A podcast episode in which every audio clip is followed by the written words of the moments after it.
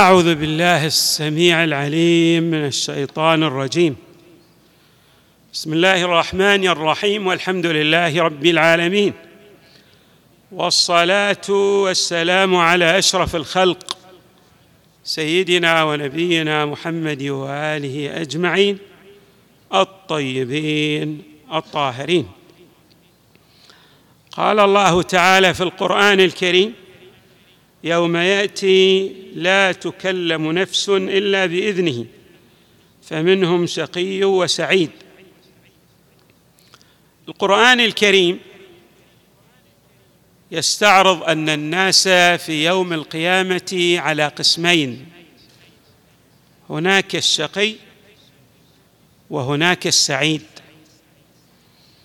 وقد يبدو لأول وهلة من خلال هذه الآية ومن خلال بعض الأحاديث الواردة أن الله تعالى أجبر الناس على ذلك بمعنى قسرهم على الشقاوة والسعادة غير أن الأمر ليس كذلك بل أن السعادة مرهونة بعمل الإنسان. وكذلك الشقاوة أو الشقاء. عمل الإنسان له التأثير الفاعل والكبير في مصير الإنسان في الحياتين في الدنيا والآخرة. نكاد أن نجزم بأن العوامل الأخرى تأثير تلكم العوامل بسيط جدا في قبال تأثير الأعمال التي يقوم بها الإنسان. بمعنى أن الإنسان حتى لو توافرت لديه بقية العوامل الأخرى ولكن العمل الذي يصدر منه لا يؤدي إلى السعادة فهو من الأشقياء. والعكس صحيح. ولهذا نفهم المعنى الدقيق لما جاء في بعض الروايات أن السعيد سعيد أو في بعض الآثار أن السعيد سعيد في بطن أمه. والشقي شقي في بطن أمه. لا تريد تلك الروايات أن تشير إلى مبدأ الجبر والقسر وإنما تريد أن تشير إلى أن الله تعالى يعلم بمصير البشرية جمعاء فيعلم بالسعداء ويعلم بالأشقياء. وهذا على وزان الأساتذة مثلا الذين يدرسون التلامذة. المدرس الحصيف يعلم ولله المثل الأعلى ولكن نريد أن نقرب الفكرة. المدرس الحصيف يعلم بالتلامذة الجيدين والذين سيتبوؤون المستقبل الزاهر في الأيام القادمة والسنوات التي ستأتي. ويعلم أيضا بالناس الذين كما نعبر يعني على قد حالهم لا يستطيعون أن يصلوا إلى تلك المراتب. علم المدرس ليس له تأثير في عمل التلميذ. عمل التلميذ هو المحور الأساس في تبوء المقامات التي سيصل إليها. العمل هو العمدة كما نعبر.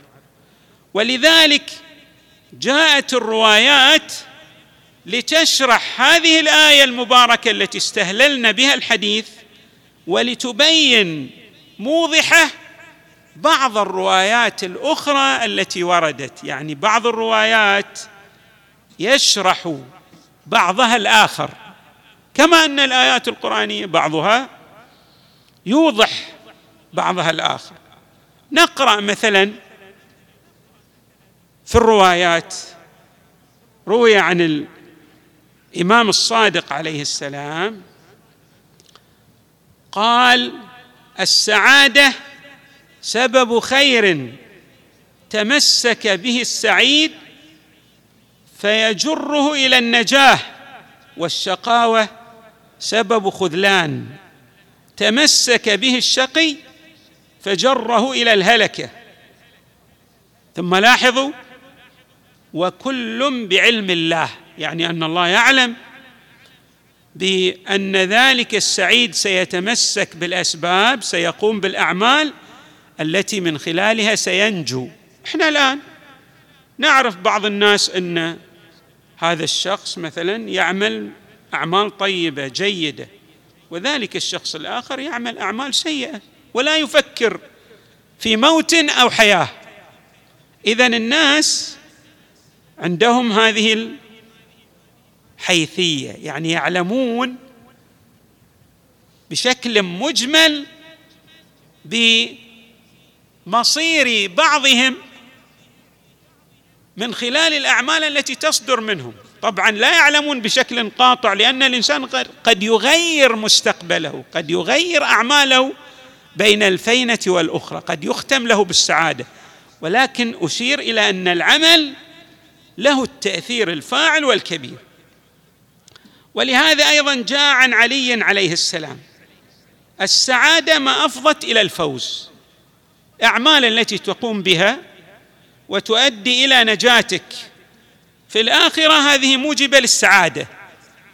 والأعمال التي تقوم بها في الدنيا وتؤدي إلى التألق والمزيد من الإنجازات هذه توجب سعادتك في عالم الدنيا.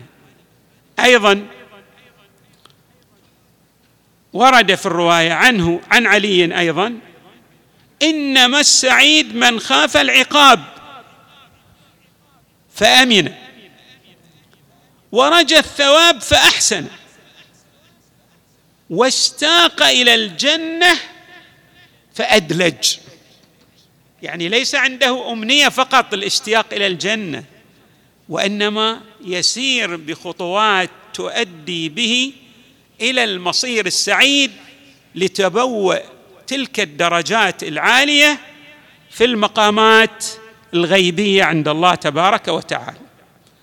أيضا روي عن رسول الله صلى الله عليه وآله السعيد من من اختار باقية يدوم نعيمها على فانية لا ينفد عذابها.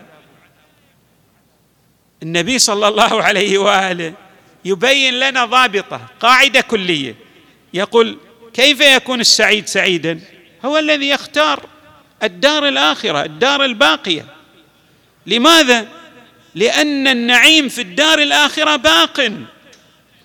أما الشقي هو الذي يقدم هذه الدار الدنيا على الدار الآخرة بمعنى عنده إرادة جادة لتحصيل ما يروم وما يبتغيه حتى وأن أدى ذلك إلى عصيان الله تبارك وتعالى والخروج عن جادة الصواب واقتراف المعاصي والآثام.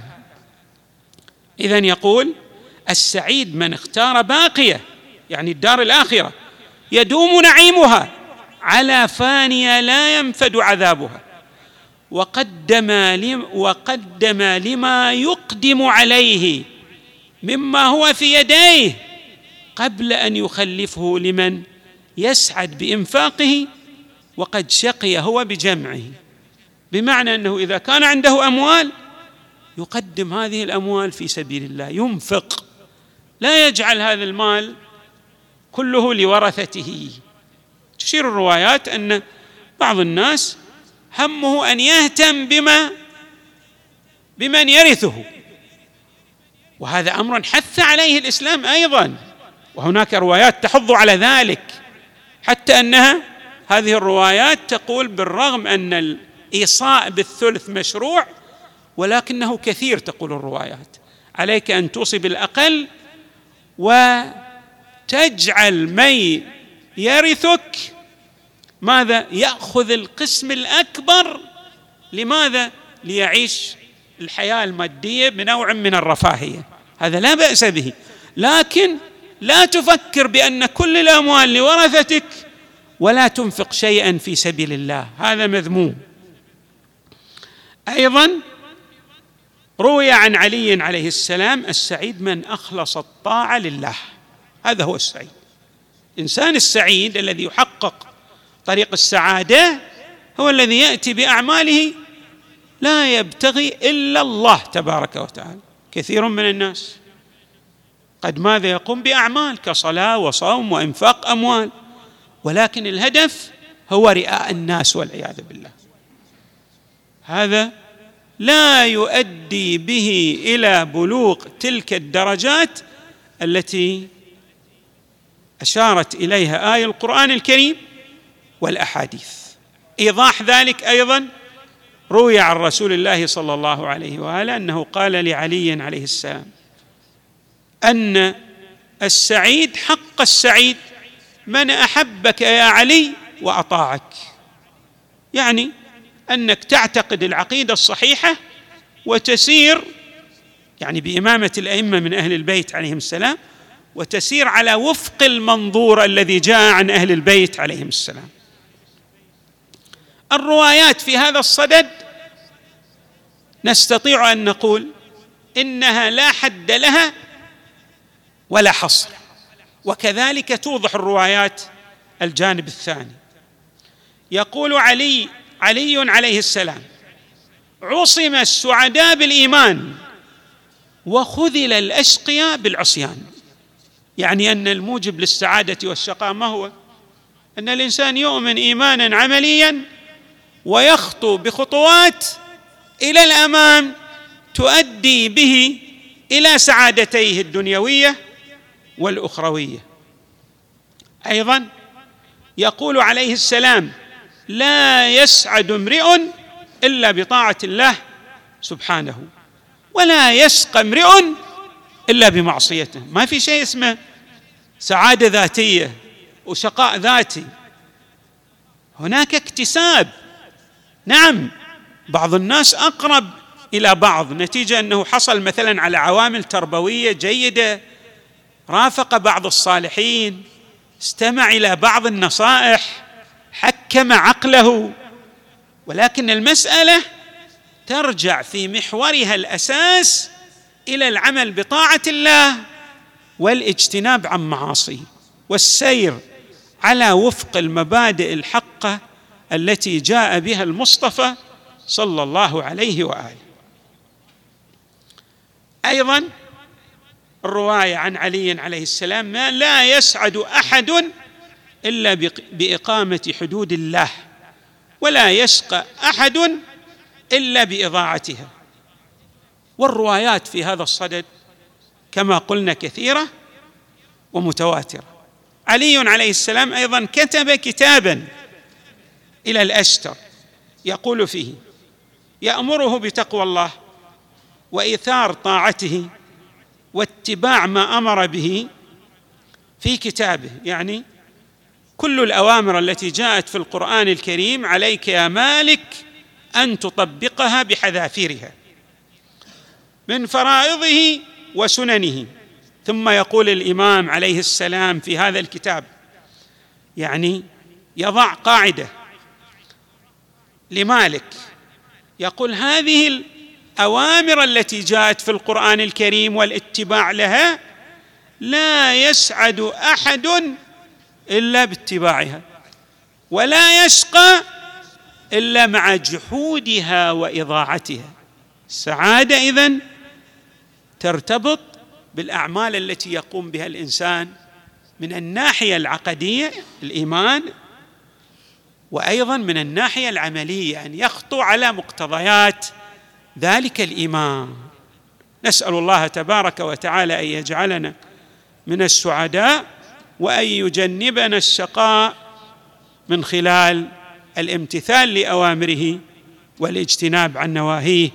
والحمد لله رب العالمين وصلى الله وسلم وزاد وبارك على سيدنا ونبينا محمد وآله أجمعين. الطيبين الطاهرين. اللهم صل وسلم على